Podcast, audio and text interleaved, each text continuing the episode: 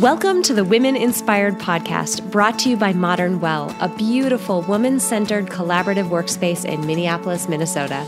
I'm your host, April Seifert, psychologist, entrepreneur, and self proclaimed life experience junkie. Each week, I will introduce you to a different woman who is succeeding and inspiring others in one way or another. We'll dive into her story, her successes, failures, and the lessons she has learned along the way all with the goal of inspiring you to listen to that inner voice who keeps reminding you that there is something you want to take action on. You are so much more capable and powerful than you give yourself credit for. Inside of you is a woman on fire. Let's let her out and see what happens. Here we go.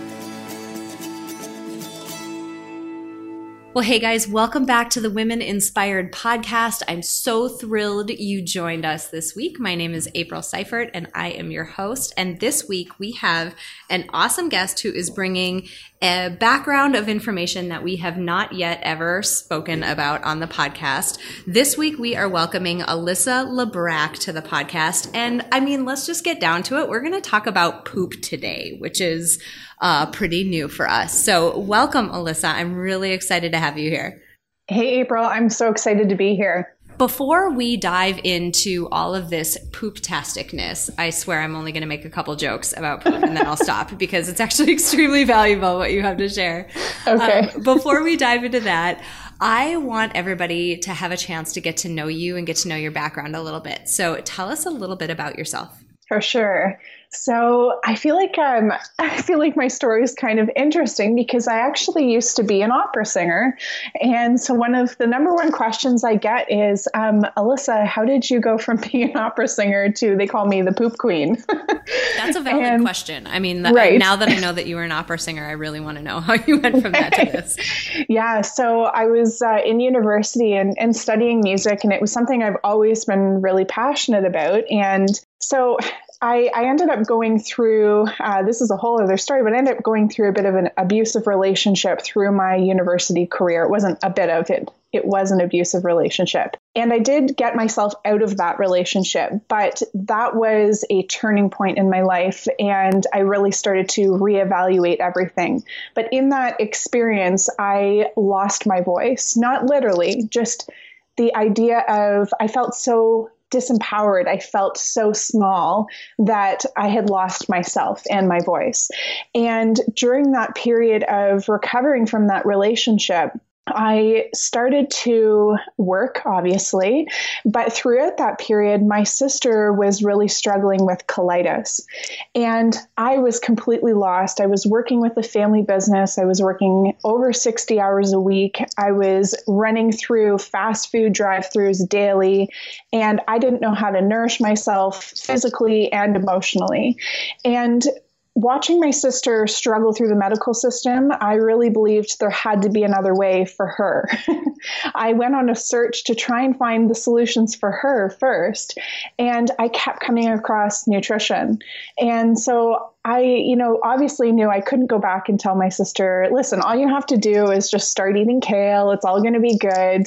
And uh, so I started to change my own life and I lost 70 pounds, decided to go back to school. And now today I specialize in teaching people how to end the gas and bloating, finally stop that diarrhea and constipation and learn how to fix their guts by loving and trusting their guts. And so that's a bit of a background on me and uh, the short version.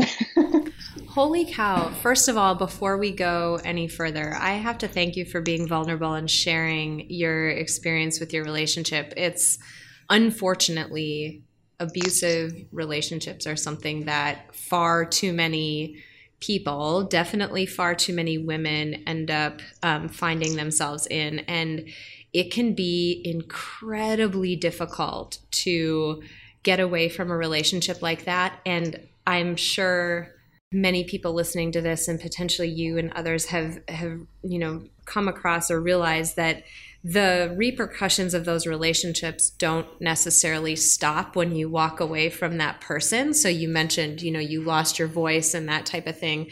The the implications of them don't stop then. There's typically you know some things to work through. So i really appreciate that you shared that with us. Yeah absolutely. So it's interesting to me that you're well it's funny because you know we lots of times are so focused making sure that other people are okay.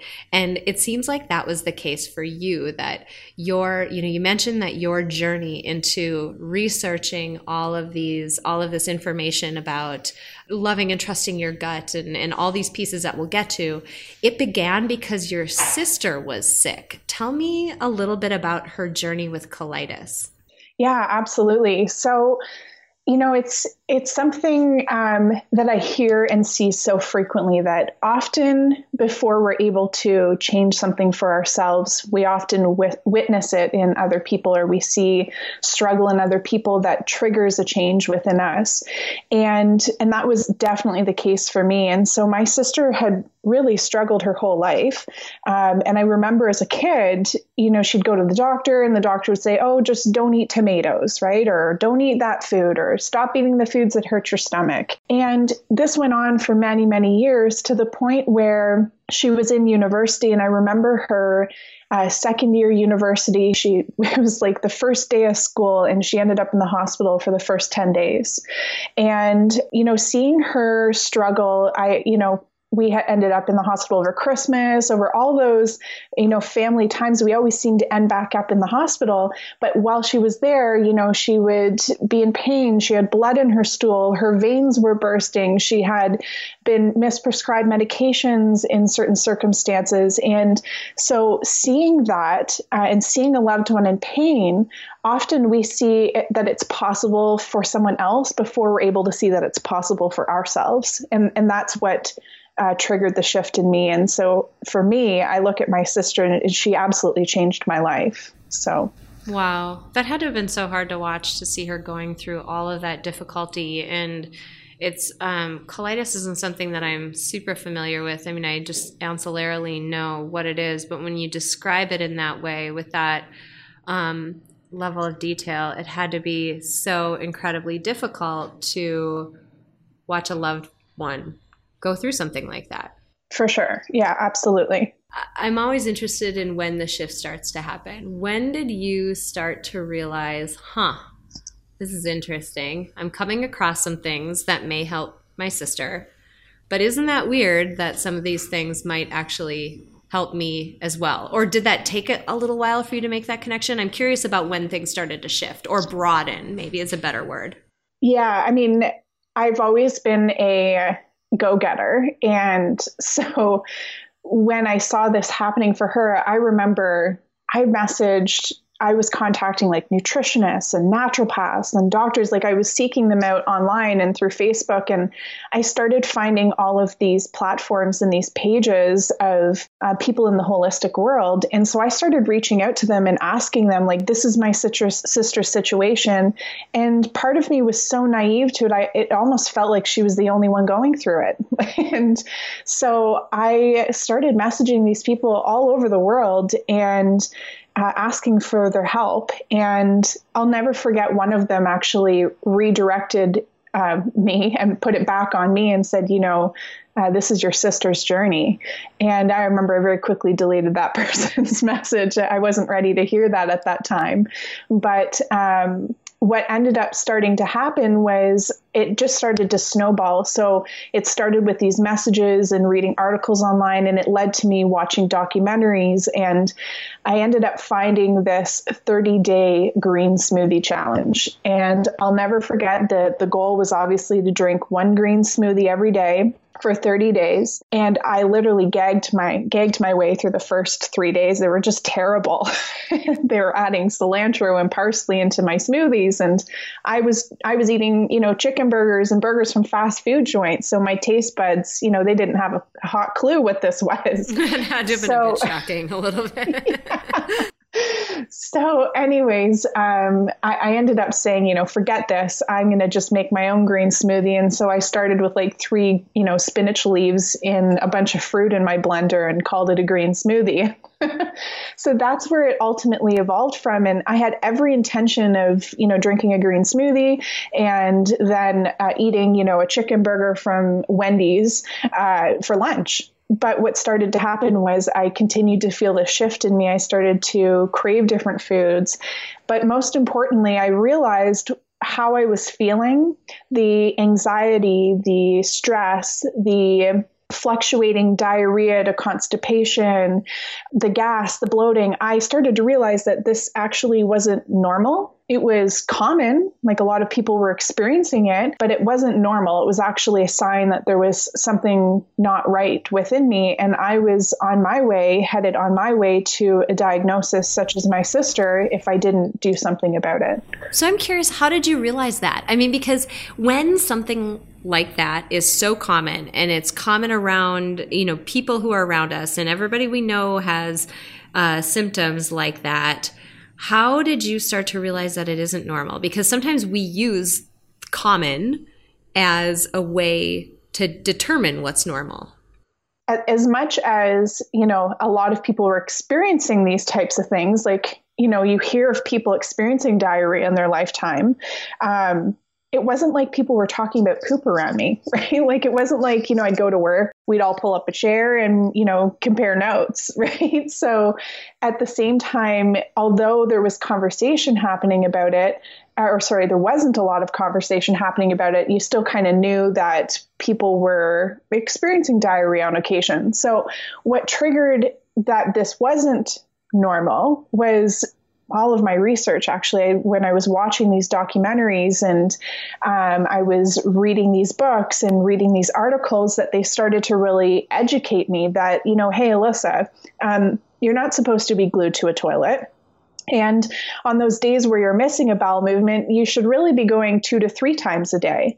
And that is what really started the journey. And then when I started to take a real interest in this, I started to understand the depth of it in learning that these bowel movements in this particular example um, weren't just a reflection of my physical body but also my emotional state that is so interesting and it's actually is an amazing segue because you said something in the beginning that I thought was really profound and really piqued my interest. You talked about how you learn to love and trust your gut. And that that's more than just I biologically changed my gut bacteria, which I'm sure there was a piece that was important with that. But you you bring in this emotional component. Tell me a little bit about that. Yeah. So when I was starting to change my daily habits, it wasn't because I wanted to lose weight. And it wasn't because, um, you know, there was a number on the scale I was trying to achieve. I just was scared to death that I would end up in the same situation of, as my sister. And I also, you know, started to realize with this education that I was actually more on my way there than I realized. And so it wasn't actually until I started to incorporate the emotional work into what I was doing for myself that my body started to shift. So I'll give you an example. Um, I had, you know, started doing the green smoothies. I found by lunchtime, hey, I didn't really want that chicken burger. I think I'm going to do a salad. Um, I was still eating out a lot, but you know, started making healthier decisions in in that whole process i became a vegetarian. I promote that everyone just needs to find whatever makes them feel best and so i'm not saying that anyone needs to become a vegetarian here you just need to do what feels best for you and take a real custom approach here but these are just some of the things that i altered on a physical or external level and yet I continue to still have gut issues. I continue to be moody wholly. I was still full of anxiety and still very much healing and recovering. And so I remember I actually I enlisted the help of a counselor and we started to work through the emotional work and the emotional traumas and some of the cellular memories that were being held within my body. And that is when I actually lost 70 pounds and my body started to change.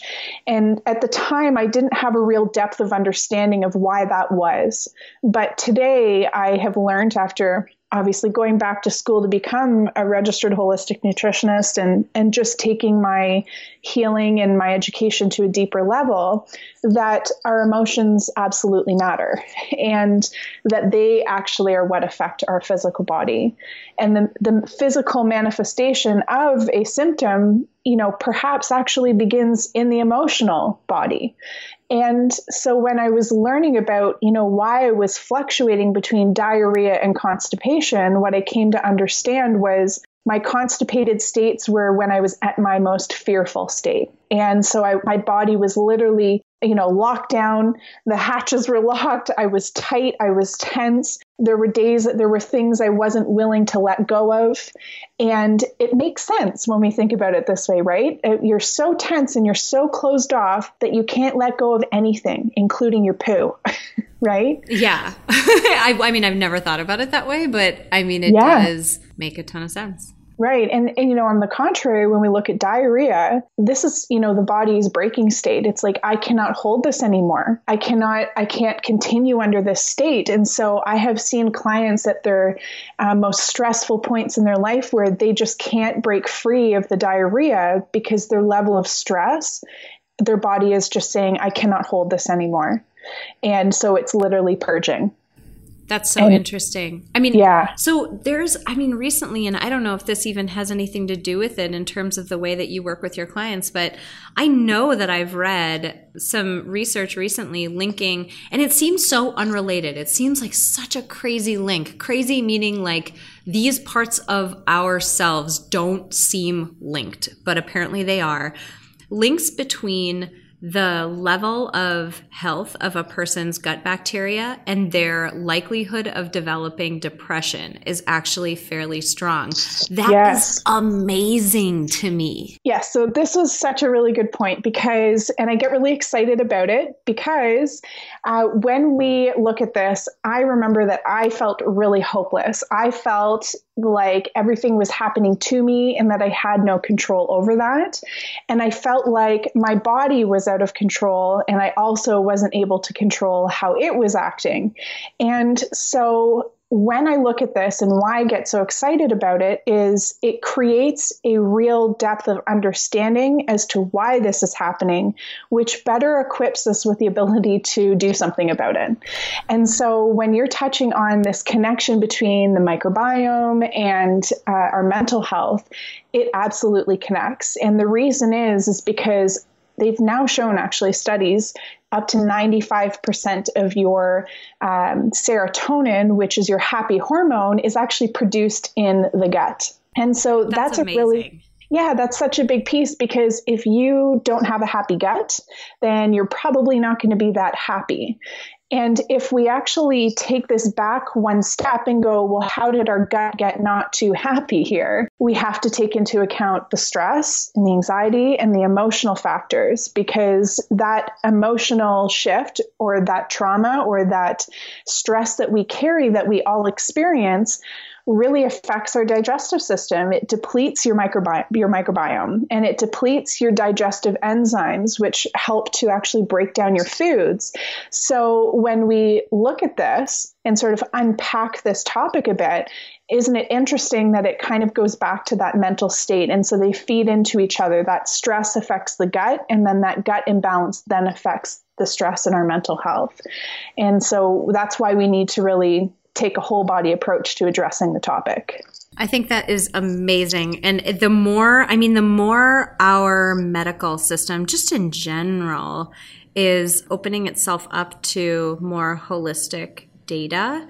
And I'm not talking about holistic opinion here. I'm talking about actual data. We're opening ourselves up to the idea that there might be links between things that we didn't realize before. The more that they're realizing that there are those links there that we study them and then we find them. It's amazing. Um, I want to kind of turn the turn the page a little bit because we're getting into some really interesting stuff here that's starting to feel really practically applicable and you are one of the people who has training and has a background that can really help people understand these concepts and, and more importantly apply them a bit better so I, I'm kind of seeing two sides of the coin of the same exact coin here. There's the biological piece and the nutrition piece that you're talking about. I'm curious about you know, your thoughts and your advice and what you've learned on that side of the coin. And then also on the flip side of the coin, practical advice for people on the emotional side who might need some healing in this area. Um, I, am just curious of, as to what your advice would be on that side. So they feel like two sides of the coin. So I'm kind of smushing them together into one conversation. Yeah, for sure. And, you know, we kind of, we can't address one without the other. And so I'll just sort of share this. In my experience working with my clients, what I've seen is the individuals that have the most long-term success um, and success being you know that's it's relative it, it's you know sort of a custom experience right but those that can say you know they're feeling better both emotionally and physically have addressed both the emotional and the physical and for those that seem to be stuck in their physical symptoms, what I've seen is is that it's because they haven't addressed the emotional body. And so it's just a really interesting thing because uh, you know in order for us to really heal the whole, we have to address the whole. So um, I also just want to share, you know, a little bit more understanding around how we can uh, in, envision our working to resolve the whole in my uh, opinion, I'll start with, there are other bodies out there that believe the same thing. I can't say that I've read any studies to support this, but my understanding of the physical manifestation of a symptom is that it starts with the emotional and emotional and mental component and it, that's what leads to a physical imbalance and what i've seen over the years is that a lot of people will come to me and say oh this just all of the sudden happened all of the sudden I had diarrhea. All of the sudden I couldn't sleep. All of the sudden my skin broke out. But as we've started to dig a little bit deeper, we can almost always bring it back to some sort of event that happened in their life or some sort of stressor or trauma that was really the beginning stage of when these things started to express themselves in the physical body. So, in order for us to work with it, we have to kind of go backwards. And so, we start with the physical body because now we do have an imbalance there. And so, in the case of mental health, I would say let's start with the physical body and uh, let's start with something like, you know, a probiotic that is something that you're able to support your microbiome with and uh, support gut health, support the digestion of foods, support your immune system. And in in turn addressing more of the physical body. And then we can you know move on and support that with addressing the emotional body. And i'd say all right we need to go inward here. So this is this is the hard work i've always felt personally in my own journey. But also i find for other people is in order for us to address the emotional i could sit here and tell you all the things that i've done for me but um, you are unique and everyone listening here is so unique. And so i can't say that you know you just have to sit and meditate. You have to journal. You have to draw. You have to uh, do all of these things because these are just coping mechanisms. They don't get to the root. And so in in my belief and in my journey i've believed that we have to really go inward and, and do sort of that inner child work and look at the programming that's really come from our childhood that's running our day to day life. And even if, I mean, I'm going to go down the, I don't know, I don't even know what the right word is, devil's advocate side of the coin or whatever. But mm-hmm. even if that link isn't perfectly there, getting your hands around that stuff is never going to be a bad thing. Absolutely not. I'm going to give you an analogy. Um, so, the way that I like to look at this is, you know, we all experience different reactions, right? I think we can all agree here that we've all had moments where we're in a reactive state, okay, with our kids or our spouse or what have you. Yep, and yeah, and I mean, yeah, for sure, right? Guilty right here too. and so you know, we have to really take a look at that. Let's just question that for a moment and say, okay, that reactive state, what was that really about? And what I've come to learn is that often those reactive states are a child state. They're they're um, you know a child that's being triggered from a past event in our life. Okay, so let me give you an example. Um, we have, for example, an, an adult and um, you might be in a work scenario, a work setting, and your colleague doesn't agree with you. And they, you know, you present your work and they say, no, I'm sorry, this, this isn't quite what I was envisioning, um, and we need to make some changes and um, you feel a little bit upset about that. You feel triggered like hey you know i've put a lot of energy into this and i feel like i've you know brought my best work here and i disagree with you. And i think this is a pretty practical experience. I could give you many different examples but why react to that why are we reacting to that situation right? Often we take that home. We, we then we talk about it to our spouse and we say i don't understand you know they were they were mean to me they didn't think they they didn't like my work. They didn't think it was good enough, right? And that's where we start to hit the money makers right there. Oh, I didn't think it was good enough.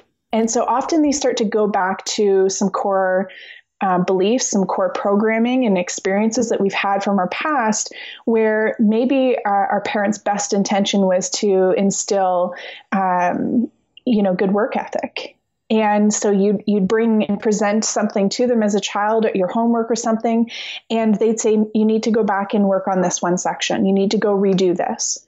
And for you, it always felt like, although your parents' intention was pure to help you work harder and, and do a good job and be thorough, you internalized it as it doesn't matter what you do, it's never good enough. You always are going to have to go back and improve it. It's never going to be good enough. And so today, fast track, you're in your adult life, and this little situation is being triggered again. And so we have this little child in us that doesn't feel good enough. And so this is why I find that, you know, we can go into our adult life and world and walk on the streets and see that these adult people are having child experiences, very reactive experiences. You have that angry driver. We've got that, um, you know, snarky coworker. We've, you know, we, we've all experienced these different personalities that we work with. To me, these are adult children and so I believe that each of us have these children within us. And I like to look at them like they're on a school bus. And we have all these bouncing children bouncing around on the school bus. In fact, we even have one driving the bus. We've got a little child driving the bus that feels that he's not good enough. And you know, your child, a child in general, is not supposed to pay the bills, drive a school bus, or drive any car for that matter. And so this is very anxiety triggering. And so it leads to this continuation of these emotions that overflow and take us over. And so often some of the the things that my clients say to me is, well, I feel I feel out of control. Like I just cry all of the sudden or I'm very reactive, I'm angry, and next thing you know I'm screaming at my children. And so these are all child states. And the way I like to look at it is anytime we're reactive, we're in a child state. That makes a ton of sense. And actually, just to draw a connection between what you're saying and what we've heard in a prior episode, episode 54, we spoke to a woman named uh, Dr. Diana Kirschner, and she she specializes in relationships, close relationships, romantic relationships, typically. So, not in your area at all, but she speaks about the exact same thing. So, this idea that we form these templates or scripts or habits which are our way of interacting with the world, we form them from little on, and they really do impact how we emotionally experience uh, life going forward, and they impact how we behave and the outcomes we might get. So, in her case, um, the people we may attract to ourselves as romantic partners. In your case, the way that our gut is working. Yeah, so absolutely. Um, and, and this is where, you know, it's amazing how these uh, inner children often then begin to affect and they overflow into many areas of our life. And so what we're talking about today is drawing that connection between you know our inner children and that reactive state and our level of stress and our relationship with ourself and that true depth of healing our emotional body with how that is going to ultimately affect your physical body in, in your gut in this case. So, you've mentioned a little bit about clients that you work with. Tell me a little bit about the work that you're doing today. Do you work with people one on one? Are you online? How does how does all of this work for you today in your business? Yeah, for sure. So I do work one on one with clients, and, and that's where we ultimately get to dive into that real personal journey of understanding both the physical and the emotional, sort of not only loving your gut from a physical standpoint, but learning to trust your gut and tapping into that intuition. And, I, you know, I think it's really hard for us to tap into that intuition when our gut is in knots and we're in that anxiety state. And that's where, you know, we can really work on, on both levels. So, from uh, a client standpoint, I work one on one in that regard and learning and teaching people how to fix their gut. And I believe just four simple steps. I like to keep it super simple. And then I also work online with clients as well um, through Skype. And I also have an online program, Love and Trust Your Guts program. So, um, yeah, something I'm super passionate about. And you can find me online at Soul Food Nutritionista, whether it's Facebook or Instagram. Would love to see you guys over there. This has been wonderful, Alyssa. Seriously, I it's like I said, it's a topic that we've never covered on the podcast, which I'm always really excited to learn about something new. But you can tell that you have been really thoughtful in the way that you've approached the work you're doing. And I'm really appreciative of that. And I'm also very appreciative of you being so open and vulnerable to share not only your story with your past relationship, your story with your health journey, your sister's story. I mean, we really do benefit from learning each other's backstories and learning about each other's journeys. So I really appreciate that. Oh, absolutely. Thank you so much for having me on the podcast. It's just been a great conversation. So before I let you go, I actually have to ask you one last question, which is the question that I ask everybody at the end of the podcast. We are compiling a Spotify Power playlist of motivational songs to keep people pumped up throughout the week. And I have to ask for you to add your motivational song to our playlist. Okay, so I love it. And I would definitely have to say Fight Song by Rachel Platten is an all time fave and just overall inspiring and sort of get up and step into your power kind of song. And I, totally dig it. oh my God, I actually tear up every single time. Like, I'm going to tear up saying this every single time I hear that song because there's a lyric in the beginning of it. For some reason, that lyric was going through my head one morning and it's, like a sing with a single word, our heart opens. I'm literally tearing up saying this. Yes. This is crazy. Was the morning that I took my first pregnancy test that came out positive. Like I'm oh, like getting amazing. choked up saying this. It's yeah. the funniest thing. So I have this like huge emotional connection to that song because that I had I don't know I had listened to that that uh, song the day before for the pump you up version of it. Right? Yeah, I mean, it yeah. Is. It's like a get up and go roar and go do your cool thing. But for some reason, that lyric was going through my head. And here, I flip over this pregnancy test and it says positive. I'm like, holy cow. Like, That's I could amazing. literally sit here and cry like a baby right now. But I love the song. I just love all, there's so many meanings to it. It's just a really awesome song. So thank you. For sure. You're welcome. Well, like I said, this has been absolutely wonderful. It has been so much fun getting to know you and hearing this really interesting topic that you have focused so much on. And I guarantee the more research comes out, the more research we do, the more important we're going to find that all of this is. And we all need to start taking it more seriously. So thank you so much. Yes, you're welcome. All right, you guys, I really hope you enjoyed that episode with Alyssa LeBrake. I loved meeting her because her background and her area of expertise is something I have never featured on the podcast before. And I want to talk about, in particular, a specific reason why I was excited to talk to her when she reached out. Now, to begin, let me say that I am a huge proponent of the medical system. I'm a big proponent of what traditional medicine can do for us and the amazing advances and amazing things that it does for people's lives. My husband is a physician. I support the field 100%. That being said, there is an undeniable link between our emotions and how they manifest in our physical health. And let me give you a couple of examples.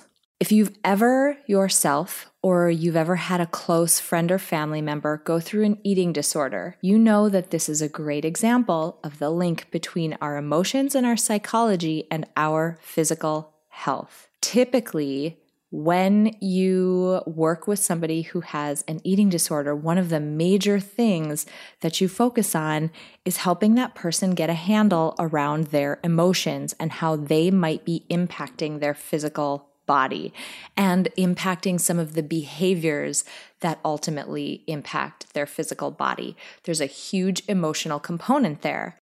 I'll give you a second example. Probably the oldest one in the book, the first link that people actually were willing to acknowledge between our feelings and our physical body and how they manifest is the idea of stress. So when we are chronically stressed out or continually stressed out, it can impact us in physical ways that have real consequences.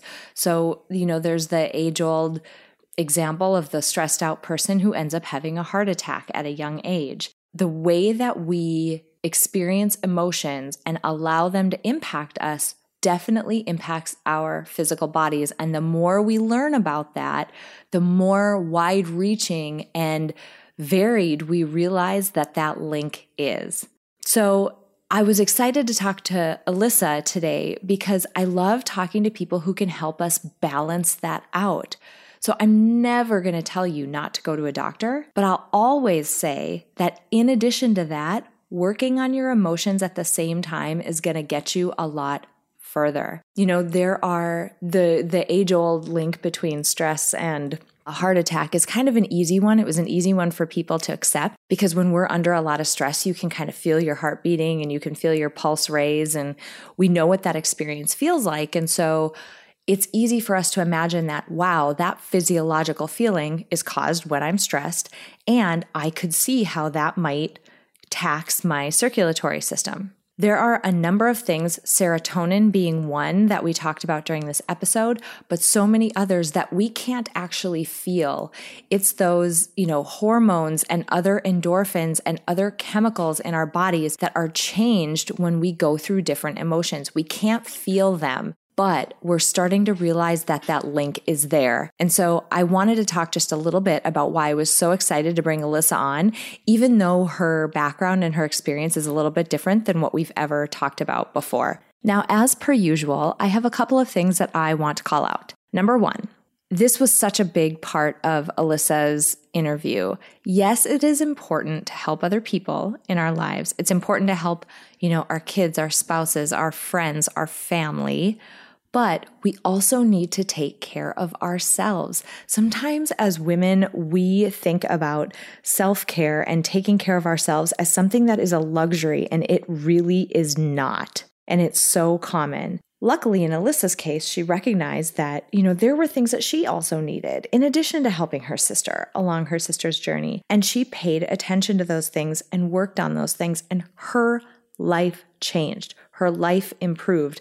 And because of that, she can show up better for the other people in her life who were there before, you know, when she was having these issues, but then also for her clients now. The trajectory of her life changed. So it's a big deal that we take care of ourselves in addition to taking care of other people. And the second thing I want to call out, I want to go back to this notion of emotions. It's really important for us to take care of and understand our emotional side. And let me give you an analogy because I love analogies. The analogy I always talk about when I talk to people about the complicated nature of understanding their own emotions, it's as though each pure emotion, whether it is pride or jealousy or happiness and elation or disappointment or sadness or any of the other myriad of emotions that we can experience, imagine each of them is a color, right? Maybe one is blue, it's a can of paint, it's blue, and another one is red, and another one is orange, and another one is purple. Now imagine taking three or four of those emotions because we rarely experience one at a time. Imagine taking three or four of those cans of paint and dumping them together in a big pot and stirring it up. You're going to end up with this like murky brownish gray color almost every single time. And when you look at that murky brownish gray color, if you were to show that to somebody who didn't know what the component colors were, and you said, okay, what colors went into this? They maybe could guess one, maybe two correctly. It can be really hard to sift apart how we're actually feeling. Now, you can get better at it. You can get much better at understanding, like when a friend comes to you and they succeeded at something that you've been working really hard on, it can, you can get better at saying, you know what? Yes, I am happy. Uh, that blue color. I am happy for that person because I want my friend to succeed and I really love my friend. But I am also disappointed, red. I'm disappointed in myself because I haven't done as well on that goal as I wanted to. And I'm also a little bit jealous. We'll call it green. Weird. Green with envy. Uh, I'm also a little bit jealous of my friend, if I'm being totally honest, because she's doing better at something that I really want to do. And you mix those things up and it just starts to feel weird. But if you can understand their component parts, those emotions don't have as big of a control over you. So, what I'm suggesting here is do that hard work. And in the beginning, it can be so difficult that you need help. And some of the most amazing breakthroughs I've ever had in working with other people, whether it is a coach or a therapist, is that they have helped me take all those different colors back out of that pot and they've helped me understand what the component parts were. And that can be so valuable, especially in the beginning when you're starting to get to know yourself in this way. So, I highly suggest take care of yourself and take care of your emotional side. Before we close out today, I want to say thank you to my producer, Cameron Hill, and to my incredible sponsor, Modern Well. If you want to learn more about how you can reach your goals in a one of a kind work life community, visit www.modernwell.co. If you enjoyed this episode, please share it with someone else who might benefit from this inspiring message. And if you have a moment, click the link in the episode description to leave me a rating and a review on iTunes. It would mean so much to me. Finally, I want to remind you that it is absolutely possible to live a happy, fulfilling life, even in spite of all of the chaos and demands we all experience. Sign up at aprilseifert.com to gain access to tools that will help you do just that. I have carefully created and curated a set of tools that combine the powerful fields of psychology and design thinking to help you intentionally create a fulfilling, happy life you love. Thank you so much for joining me this week, and until next week, stay inspired.